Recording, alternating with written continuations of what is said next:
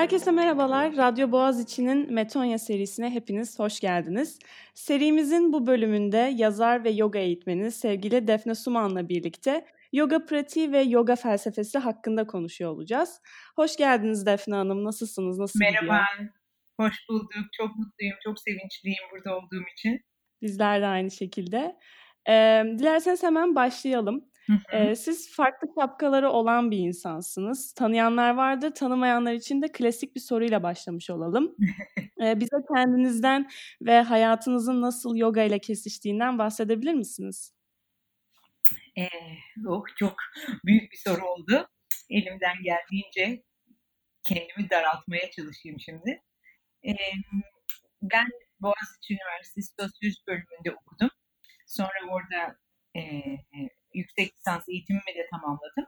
Ondan sonra bizim bölümde hala da öyledir. O zamanlar da öyleydi. Doktora programı yer almıyor. O yüzden doktora yapmak için Amerika'ya başvuruda bulundum. Kabulüm geldi. University of California, Los Angeles, UCLA'den. Fakat tam gitmek üzereyken UCLA'ye bayağı artık Ağustos'u ya da e, Temmuz'u bulmuşken ani bir kararla vazgeçtim doktorada. Ve herkes işte kızım ne yapacaksın eğer doktoraya gitmezsen yani önümde başka bir seçenek de yok gibi geliyordu bana o zamanlar klasik bir e, yüksek lisans öğrencisi olarak. E, ne yapacağımı bilemediğim için doğuya yol alayım dedim. E, hani gönüllü iş yapabileceğim ve dünyayı da gezebileceğim e, bir yerlere gideyim. Baktım o zamanlar e, bir site vardı gönüllü çalışmak isteyenlerle gönüllü e, işverenleri birleştiren bir web sitesi vardı. Orada e, bir iş buldum. Tayland'ın kuzeydoğusunda küçük bir kentte sosyal bilgiler öğretmenliği. E, sosyoloji mezunuyum nasıl olsa diye kalktım gittim ve yogayla da orada tanıştım. Orada yaşayan e, Tayland'da değil, Hint'te değil, bir İtalyan, diğeri Amerikalı olan bir çift e, yıllardır Tayland'ın Nongkay kentinde oturuyorlar ve yoga öğretiyorlardı. Onlarla başladım ve ilk günden itibaren de tamam dedim işte buymuş demek ki buralara gelmemin sebebi bu yoga denen şeyi öğrenmekmiş. Ve o günden sonra bu dediğim 2003 yılıydı. Yani 17 yılı geçti şimdi. O günden beri her gün yoga. Süper köklü bir değişiklik olmuş o zaman sizin için. Hem de nasıl? Ee, peki artık yoga deyince herkesin aklına bir şeyler canlanıyor. Fakat bu canlanan şeyler oldukça farklılık gösteriyor. E, kimi yogayı bir spor olarak görüyor, yogayı bir din olduğunu düşünenler var. E, bir ritüelle veya kültürle bağdaştıranlar da var aynı şekilde. Peki siz e, kendi deneyimlerinize dayanarak yogayı nasıl tanımlardınız? Ee, bir kere din değil, hemen onu açığa kavuşturmamız lazım. İkincisi de spor değil, bunu da açığa kavuşturmamız lazım. Ne din ne de spor olan bir e, mistik bir sistem diyeceğim ve mistik bir sistemin dinden çok farklı olduğunu da altını çizmek istiyorum. Çünkü mistik bir sistem insanın kendini bulmasıyla ilgili bir şeydir. Yani insanın kendi içinde e, ki evrensel dalgayı arayışıdır. Böyle anlatabilirim. Kendi içimizdeki evrensel dalganın arayışı. Yani bir bütüne aidiyetimizi e, bize hatırlatacak bir e, hareket ve enerji kimyası veyahut simyası diyebiliriz. Böyle tanımlıyorum ben. E, en önemli kısmı enerji. Yani e, biz enerji dediğim zaman öyle çok spiritüel yanlış anlaşılmasın. Bildiğiniz elektrik akımından bahsediyorum. Yani mühendislik anlamında enerjiden bahsediyorum. Bizi canlı tutan o elektriğin muntazam ve ahenkli akmasını e, sağlayacak bir hareket ve nefes sistemi diyelim en kaba tabiriyle. Hı hı, süper. Aslında açıklarken de yoganın özüne, e, felsefesine biraz değindiniz. O taraftan devam edelim istiyorum ben. Tamam. E, yoga neden yapılır? Yani yoga pratiğinin nihai hedefi nedir? Kişiye içsel huzur kazandırmak mı? Onu bir bütünlüğe erdirmek mi? Bilgelik kazandırmak mı? Ve e, bu amaçlara o gördüğümüz yoga hareketlerini, yoga asanalarını yaparak mı ulaşıyoruz? Hmm, güzel soru.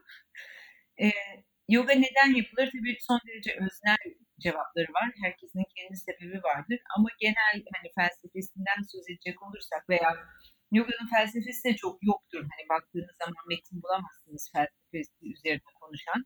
Çünkü daha çok uygulamayı gerektiren bir şeydir. Ama e, kozmolojisine bakacak olursak yani kozmosu, evreni nasıl tanımladığını, iç mikrokozmos, makrokozmos yani insanı bir kozmos olarak ve dışımızdaki gökyüzünün, semayı, yıldızları bir kozmos olarak düşündüğümüzde bunu nasıl anlattığına bakacak olursak belki neden yoga yapıldığına dair e, bir sonuca varabiliriz, ortak bir sonuç bulabiliriz. Bir hatırlatma çalışması aslında. Unuttuğumuz şeyleri bize hatırlatma. E, unuttuğumuz şey bu hayatta, bu hayata geldiğimiz anda veya işte iki yaşında, iki buçuk yaşındayken bir ben yanılsamasını oluşturmaya başladığımız yaşlardan itibaren içinde yaşadığımız o yanılsamayı silip, temizleyip, şöyle günlük bir temizlik yapıp hakikati gözümüzün önüne sürmek. En yine e, basit tabiriyle anlatabileceğim şekilde. Ve bu hakikat nedir? Bu hakikat her şeyin geçici oluş, oluşu. E, hiçbir şeyin katı, sabit, başlı ve sonlu bizim zannettiğimiz gibi olmayışı. Birazcık tabii siz çok gençsiniz ama 90'larda yaşamış olanlar için Matrix filmini hatırlatmak istiyorum. Tam olarak Matrix filminin alttan giden felsefi diskuru yoganın diskurudur aslında. Yani her şey geçicidir. Biz katı zannettiğimiz şeyler aslında erirler ve sadece zihin onları öyle gördüğü için biz onu öyle görüyoruzdur. Ama hakikat bunun altında veya ötesinde, üstünde başka bir yerde gizleniyordur. Ve birazcık işte yoganın yapmaya çalıştığı şey e, bu yanılsamalar perdesini kaldırıp her şeyi olduğu gibi yani hakiki haliyle görebilmek. Şimdi asanalar bunu yapabilir mi diyeceksin? Dedin zaten. Ee, yoga asana'nın ne olduğunu da söyleyelim. Yoga asanalar yoga oturuşu demek. Asana seat, İngilizce'deki seat, Türkçedeki oturuş anlamına geliyor. Ee, bu oturuşlar içinde nasıl hakikatin farkına varacağız? Bunu da yine o daha önceden bahsettiğim elektrik konusuna geri gelmek istiyorum. Yani bir canlıyı bir cesetten ayıran o e, elektrik akımı, can yani Türkçe'de çok güzel bir karşılığı vardı, can. Can üzerinden gidiyoruz hakikate. Ne kadar e, can, canı da nereden gidiyoruz? Nefesten gidiyoruz. Nefes çalışarak içeride, vücudun içinde ve etrafındaki o manyetik alanı, o elektrik akımının gezindiği alanı güçlendiriyoruz, çağlıyoruz, ahenkli bir şekilde akmasını sağlıyoruz. Ve ondan sonra can, yani yaşamın kendisi bu işi görüyor bize. Yaşamın kendisi bizim duygusal tıkanıklıklarımızı temizliyor, kaygılarımızı, e, üzüntülerimizi, korkularımızı, öfkelerimizi canın kendisi temizledikçe ha gerçek bir pencereyi sildikten sonra pencerenin arkasında belirir gibi beliriyor. E, ve evet asana da yapılıyor bu. Çünkü nefes asanın içinde alınıyor. Eğer nefes alınmadan yapılıyorsa yoga sadece jimnastik seviyesinde kalıyor. Yani nefesin ve e, asananın, hareketin mükemmel bir kombinasyonuyla aslında bu amaçlara evet. gidiliyor o zaman. Mükemmel olmak zorunda değil. Sadece kombinasyonuyla kalalım. E, belli hareketler var. Evet o hareketler bu elektrik akımını merkeze toplamak üzere tasarlanmış ve bize bin yıllar, iki bin yıllar öncesinden geliyor. Mağara duvarlarında bile var. İran'da bulunuyor, işte Hindistan'da bulunuyor. Tabii ki Pakistan, bugünkü Pakistan sınırları içinde mağara duvarlarında çizimler bulunuyor. Ve bunlar bugün asana dediğimiz yani klasik asanalara oturduğunuz zaman ve muntazam bir şekilde nefes alıp veriyorsanız belli iç kasları kullanarak yani günlük nefesimiz gibi doğal nefesimiz gibi değil ama biraz daha içerideki kasları uyandırmak üzere daha uzun alınan, daha uzun tutulan sonrasında bağlarla o elektriği içeride tut, biraz daha uzun barındırmayı sağlayacak şekilde nefes alıp verdiğiniz zaman evet hakikat denen şey yani şimdi bir yanılsama ve hakikat üzerinden konuştuğumuz için bunu söylüyorum. E, yoga yapmamıza da gerek yok yani günün herhangi bir anında aslında neyin geçici, neyin kalıcı olduğunu hatırladığımız anlar var. Mesela başımıza kötü bir şey geldiğinde Allah korusun bir yakınımızı kaybettiğimiz zaman çok e, değer verdiğimiz herhangi bir şeyi yitirdiğimiz anda esas neyin önemli olduğu su yüzüne çıkar ya. Ben ne yapıyorum ya dersin. Hani hayat çok kısa. Ben burada geçiciyim. Bütün dert ettiğim şeyler geçici. Öyle bir pencereden bahsediyorum aslında. Yani herkesin bildiği ama unuttuğu. O yüzden dedim bir hatırlatma pratiği yoga. Evet. Bu aslında hatırlama ve temizleme çalışması çok güzel ve büyük vaatler. Belki de bu yüzden yoga bugün e, psikolojik, fizyolojik bütün sorunlarımıza sanki ilaçmış, işte mutlu yaşamın sırrı içinde saklıymış gibi lanse ediliyor. Öyle bir algı oluştu insanlarda. E, bu algı, bu büyük algı sizce ne kadar doğru ve yogaya bu şekilde faydacı yaklaşmak e, yoganın özüne zarar verir mi? Bu da çok güzel bir soru oldu şimdi. E, sonundan başlayacağım. Evet, yoganın özüne zarar verir ve çok zarar veriyor. Yani geleneksel yoga sistemi bugünkü 21. yüzyıl kapitalist sistemin içinde bir piyasa ürünü olarak sunuldukça tabii ki özü inanılmaz ölçüde zedeleniyor. Çünkü özünde çok basit bir şey var ve özündeki şey işte bu bahsettiğim herkesin bildiği hakikati hatırlama çalışması satılabilecek bir şey değil.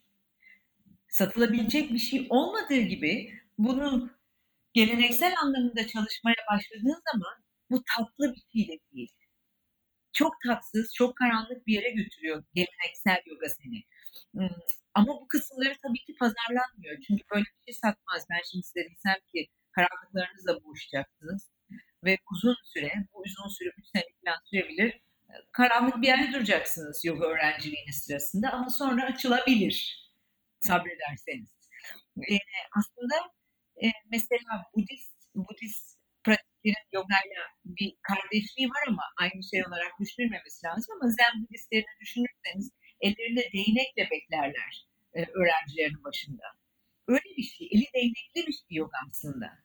Ama bugün o kısmını eli değnekli derken şey olarak söylemiyorum yani e, mecaz olarak söylüyorum ama insanın kendi değneğini tuttuğu ve nefsini terbiye etmeyi öğrendiği bir şey.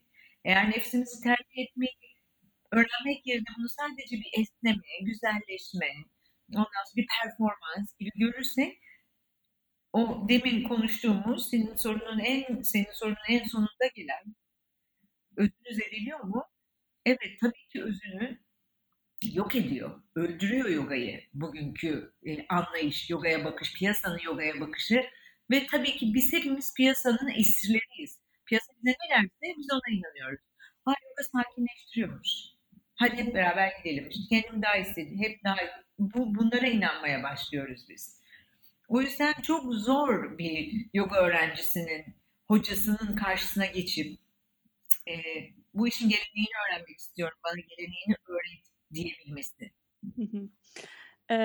Biraz modern insandan işte bu piyasa düzeninden bahsettiniz. Oradan şimdi devam edelim. İnsanlık Hali kitabınızda şöyle bir cümle var. Okuduğum zaman beni çok etkilemişti. Aynen aktarmak istiyorum. Diyorsunuz ki ben koşmasam da etrafımdakiler koşturuyor ve ağır ağır yürüdüğüm sokaklardan ruhuma telaş bulaşıyor. Hı hı. Eminim bu cümleyi çoğu dinleyen kişi de kendisinde bir parça bulacaktır. Ee, şeyi merak ediyorum ben. Bu kadar dışsal dürtüyle, stresle, telaşla yaşadığımız, adına da modern dünya dediğimiz bir düzende. Yoga gerçekten bu e, istenilen dinginliği, yavaşlığı hayatlarımıza getirebilir mi? Ne kadar mümkündür bu? bir saat falan mümkün olabilir herhalde. ee, değil tabii. Yani yoga ilk ortaya çıktığı zaman dediğim gibi işte bu çok eski çağlarda ortaya çıktığında insanın yaşamıyla bizim şu andaki yaşamımız arasında büyük bir uçurum var. Ee, şimdi ben öğrencilerimle Hatha Yoga Pradipika diye bir metin var. Ee, en eski yazılmış, en eski demiyorum ama epeyce eskiden yazılmış Hatha Yoga metinlerinden bir tanesi. Ve orada işte yoginin evini anlatıyor. Yogi nasıl bir evde çalışmalıdır. Ee, o kadar bizden uzak bir e, tasvir var ki orada. İşte yoginin e, bir kere hani kar, iç karmaşadan ve savaşlardan uzak bir ülkede olacaksınız. İşte kuyu olacak, su olacak, temiz olacak etrafınız. İşte kimse sizi rahatsız etmeyecek. bizim bugün böyle bir odamız bile yok evde. Hani bırakınız evi, böyle bir kendi huzur bulacağımız bir ev, bir de oda bile bulamıyoruz. Herkes bir köşesinde sıkışmaya çalışıyor. O yüzden e, zor yoganın tek başına modern insana şifa olması. İmkansız değil ama pek çok şeyi beraberinde getirmesi gerekiyor ve bu pek çok şeyden bir tanesi de hayat ritmimizi değiştirmemiz gerekiyor. Ve bu hepimiz için mümkün değil. Hayat ritmini değiştirmek derken evet sabah işe gitmeyeceğimiz bir hayat yaşamamız gerekiyor. Eğer yogayla, yüzde yüz yogayla şifa bulmak istiyorsak. Daha doğal bir ritim bulunması gerekiyor. Kadınların adet dönemlerinde evde oturabilmeleri gerekiyor. Evde oturup dinlenebilmeleri gerekiyor. İşte dediğim gibi sabah kalkıp işe gitmek yerine daha ellerimizle çalışacağımız, günün ritmine, gün doğarken uyanıp gün batarken içeri çekilebileceğimiz daha geleneksel yaşamlara dönmemiz gerekiyor. Eğer sadece yogadan şifa umuyorsak, bunların hiçbiri olmuyorsa bir yandan çevresel etkiler, bir yandan yediklerimizin sisteme kattığı zehir, bir yandan dışarı çıktığımız zaman ki kaygı, işte telaş, koşturma yani hiç sen çok huzurlu bir keşiş gibi yürüsen bile insanların arasından onların metro çıkışlarında şimdi artık böyle şeyler yaşamadığımız için bana tarih öncesi gibi geliyor ama eskiden e, metrolara biner inerken hep beraber indiğimizde bunlar hep o herkesin manyetik alanı birbirine ulaştığı için ister istemez yanındakinin ne hissettiğini sen de hissetmeye başlıyorsun. Yanında 100 kişi varsa 100 katı hissediyorsun. Sen ne kadar huzur içinde bir yoga seansından çıkmış olsan da işte bir saat falan kafası diyorum ben ona, yoga kafası. Bir saat falan sürüyor. Ondan sonra yine e, günün içindesin, hayatın içindesin. Biraz da şu var, yoga hayata karşı bir şey. Yani hayat bozuyor dengeleri. Yoga o dengeleri sabah kalkıyorsun bir onarıyor. Ama sonra tekrar gün içindesin. Birileriyle kavga ediyorsun, kötü bir şey yiyorsun, iyi bir şey yiyorsun fark etmez. E, çevresel zehirlere maruz kalıyorsun. Rüzgar istiyor filan falan. Akşam eve döndüğünde bütün o sabahki dengenler eser kalmıyor. Sonra ertesi sabah ama yine kalkıyorsun, yine bir dengeye getiriyorsun. Bu sayede tamamen dengeden çıkmıyorsun. Her sabah bir ufak ince ayar diyorum ben. Bir ufak ince ayar yapıyorsun. Ondan sonra hayat bırak bozsun onu. Ertesi sabah yine yaparsın. Birazcık e, gelen her şeyi olduğu gibi kabul et, kabullenme hissini e, veya tahammülümüzü güçlendiriyor bu konuda. Sanırım ki yani gelen şeyleri kabul etme tahammülü, tahakküm mü denir ona? Hmm, onu güçlendiriyor. Evet, aslında siz dinlerken şu an ben ilk başa döndüm ve ilk başı da biraz bağladım. Hani yogayı spor olarak görmek, yani yogaya tek taraflı bir e, tanımlama yapmak aslında bu noktada da yanlış. Yani dediğiniz gibi dışarıdaki insanların yaşayış şeklinden yediğiniz şeye kadar her şey sizi ve o yoga pratiğinizi aslında etkileyebiliyor ve bir bütün olarak görmek daha belki de faydalı bu noktada. Yani şu var işte şifayı sadece yogadan bekliyorsan başka hiçbir şey yapmıyorsun. Diyorsun ki ama ben her sabah yogamı yapıyorum ve niye hala depresyondayım? Ve niye hala işte e, cildim aknelerle dolu ve niye hala işte karnım ağrıyor, hazmedemiyorum, gazım var vesaire ve daha büyük hastalıklar. Niye bunlar oluyor? Ben her sabah yogamı yapıyorum. Çünkü yetmiyor. Çünkü her sabah yoganı yapmanla e, modern insan fiziksel ve ruhen şifalanamıyor. Çünkü sistemimizi, ayarlarımızı bozan çok daha büyük bir unsur var dışarıda. Çok daha kuvvetli bir unsur var e, ayarlarımızı bozan. O da modern hayat, modern gün. Artı bu enformasyon yani internetten bize gelen enformasyon, televizyonlardan bize gelen enformasyon, devamlı olarak bir enformasyon bombardımanında oluşumuz, telefonlarımızın sürekli bize bildirim göndermesi, bildirimleri kapatsan bile bir şekilde orada dikkatini çeken bir şey, bir varlık olarak yanıp sönmesi telefonunun. Bunların hepsi yine modern insanın sabahleyin bütün o dengeye getirdiğin, getirebildiysen tabii, o dengeye getirebildiğin zihni dalgalarını tekrar işte bizim e, bu şimdi konuşurken oluşan ses dalgaları gibi yükseliyor, alçalıyor, yükseliyor, alçalıyor ve yeniden hayatın içindesin.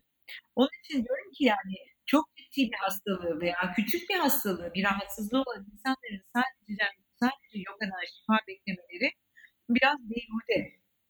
Başka yerlerden de yardım almamız gerekiyor bizim modern insan olarak. Psikolojiden olabilir, e, beslenme uzmanlarından olabilir, doktorlardan tabii ki, e, bitkilerden, bitkileri bilen insanlardan.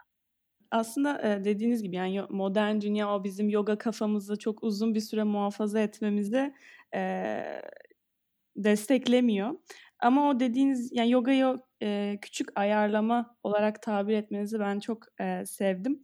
Peki o küçük ayarlar e, kısa sürede olsa girebildiğimiz bu yoga kafalarının e, faydası nelerdir ve bunun e, bilimsel bir temeli var mı faydaların? Evet, bilimsel temeli var. Hani zamanında böyle 1920'li yıllarda ilk Hindistan'daki e, yogiler Amerika'ya ve Avrupa'ya geldikleri zaman çok merak edildikleri için o zamandan bu zamana kadar yogilerin beyin dalgaları e, şeye bağlanarak elektrikli elektrotlara bağlanarak şeyi alınır. İşte kağıda çizilir dalgaların boyu. E, en fiziksel olarak söyleyebileceğim şey beyin dalgalarının e, bizim normalde beta frekansında normal günlük hayatta beta frekansında gidiyor. Alfa frekansına düştüğü zaman bu hem çocuklarınki alfa frekansı daha hayal içerisinde bir de uyurken alfa frekansına düşüyor. Yoga yaptıktan sonra da alfaya düş, iyi bir yoga yaptıysanız e, betalar dinliyse, demlendiyse altta alfa daha böyle hayal kurabileceğimiz, e, çok klişe olmakla beraber şu anda kullanmak zorunda olduğum bir tabir, şimdiki zamanda durabileceğimiz e, bir beyin dalgası üretiyor yoga. Ve bu sayede de ne faydası var diyeceksin. İşte o beyin dalgasına azıcık olsun dinlenebiliyoruz. Yani bildik, ezber bildiğimiz halimizden bir adım geriye çekiliyoruz ve diyoruz ki ha bir halimiz daha varmış burada aslında. Aa ben aslında bu halimi çocukluğumdan da hatırlıyorum. Hiçbir şey yapmak zorunda olmadığım, sadece şu anda etrafı böyle boş boş seyredebileceğim, kafamdan geçenleri sanki bana ait değilmiş, bir kitapta okuyormuşum gibi kendi düşüncelerime bakabileceğim ve hiçbir şey yapmak zorunda olmadığım yani çözüm bulmayacağım şu anda. Şimdi bulmayacağım yani. Açıklama yapmayacağım. Belki sonra gün içinde yaparım ama şu anda yapmayacağım.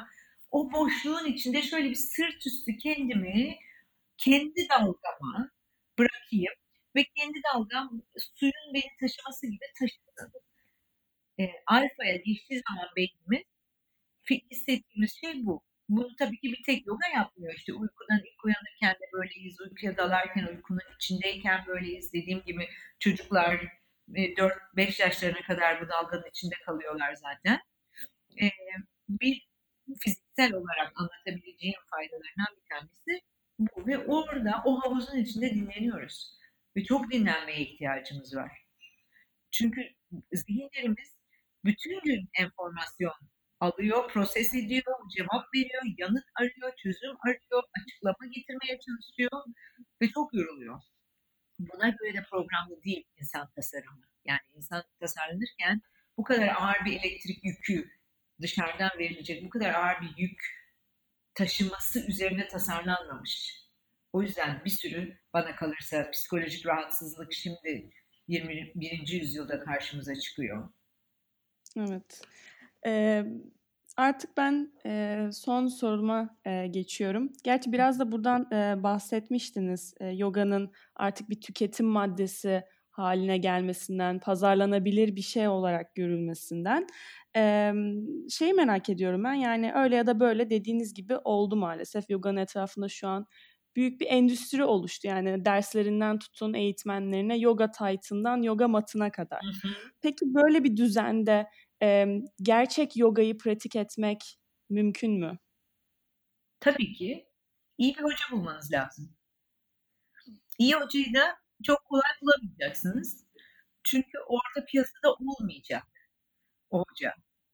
Yani kolay, ismi duyulmuş birisi olmayabilir. E, ismi bu sefer sizi almayabilir. Benim hocamla maceralarım öyledir. Bir sene falan kapısında beklemiştim beni alsın diye eğitimine. E, istemiyor mesela hazır değilsin sen diyor. Seneye gel diyor. Ee, ama evet en son yani şöyle der aslında eski Hatha Yoga metinlerine baktığınız zaman şu vardır. Öğrenci hazır olduğunda hoca karşısına çıkar. O yüzden gönlünü kaptırmış bir öğrencinin çok da aramaması gerektiğini düşünüyorum. Gönlünü kaptırmış bir öğrenci devam etsin bildiği kendi yogasını yapmaya. Stüdyolarda da koşturup durmasına gerek yok. Şimdi tabii online dersler var. Herkes herkes hep yogayı istiflemeye çalışıyor. Her şeyi istiflemeye çalışıyoruz zaten ya. Yogayı da istiflemeye çalışıyoruz. Yani bir sürü yoga dersim olsun işte her gün başka birini yapayım. Hiç gerek yok aslında. Biliyorsa bir öğrenci almışsa bir yarım saatlik 40 dakikalık bir sericik varsa dağarcığında o sericiyi uzun süre sebatla yaparsa kendi kendine sessiz bir ortamda mümkünse hep aynı saatte bir gün hocası karşısına çıkacaktır.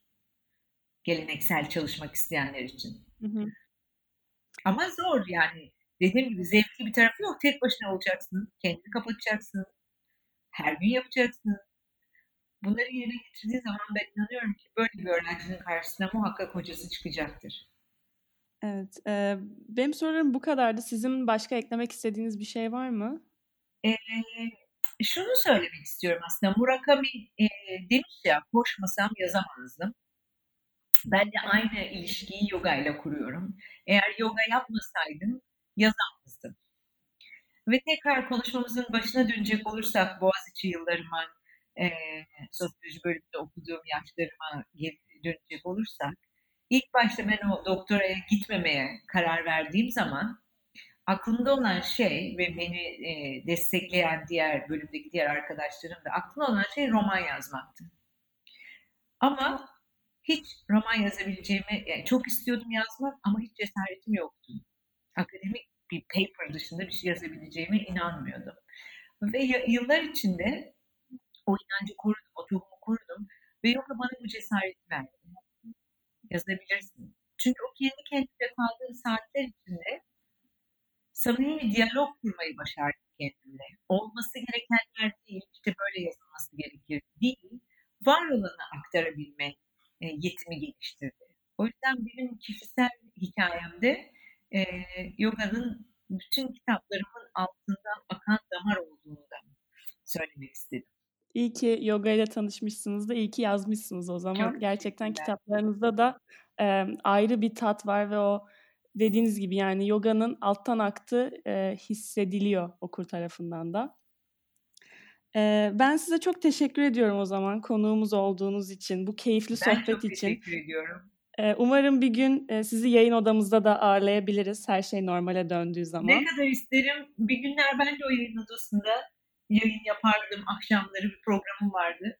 Ne kadar güzel işte biz de yayınlarımızı artık e, podcast'e çevirmek durumunda kaldık e, Covid şartlarında. Evet ama bu sayede beraberiz işte o da çok güzel. Evet, evet aynen öyle. Ee, görüşmek üzere o zaman. Serimizin diğer bölümlerinde takipte kalın. Hoşçakalın.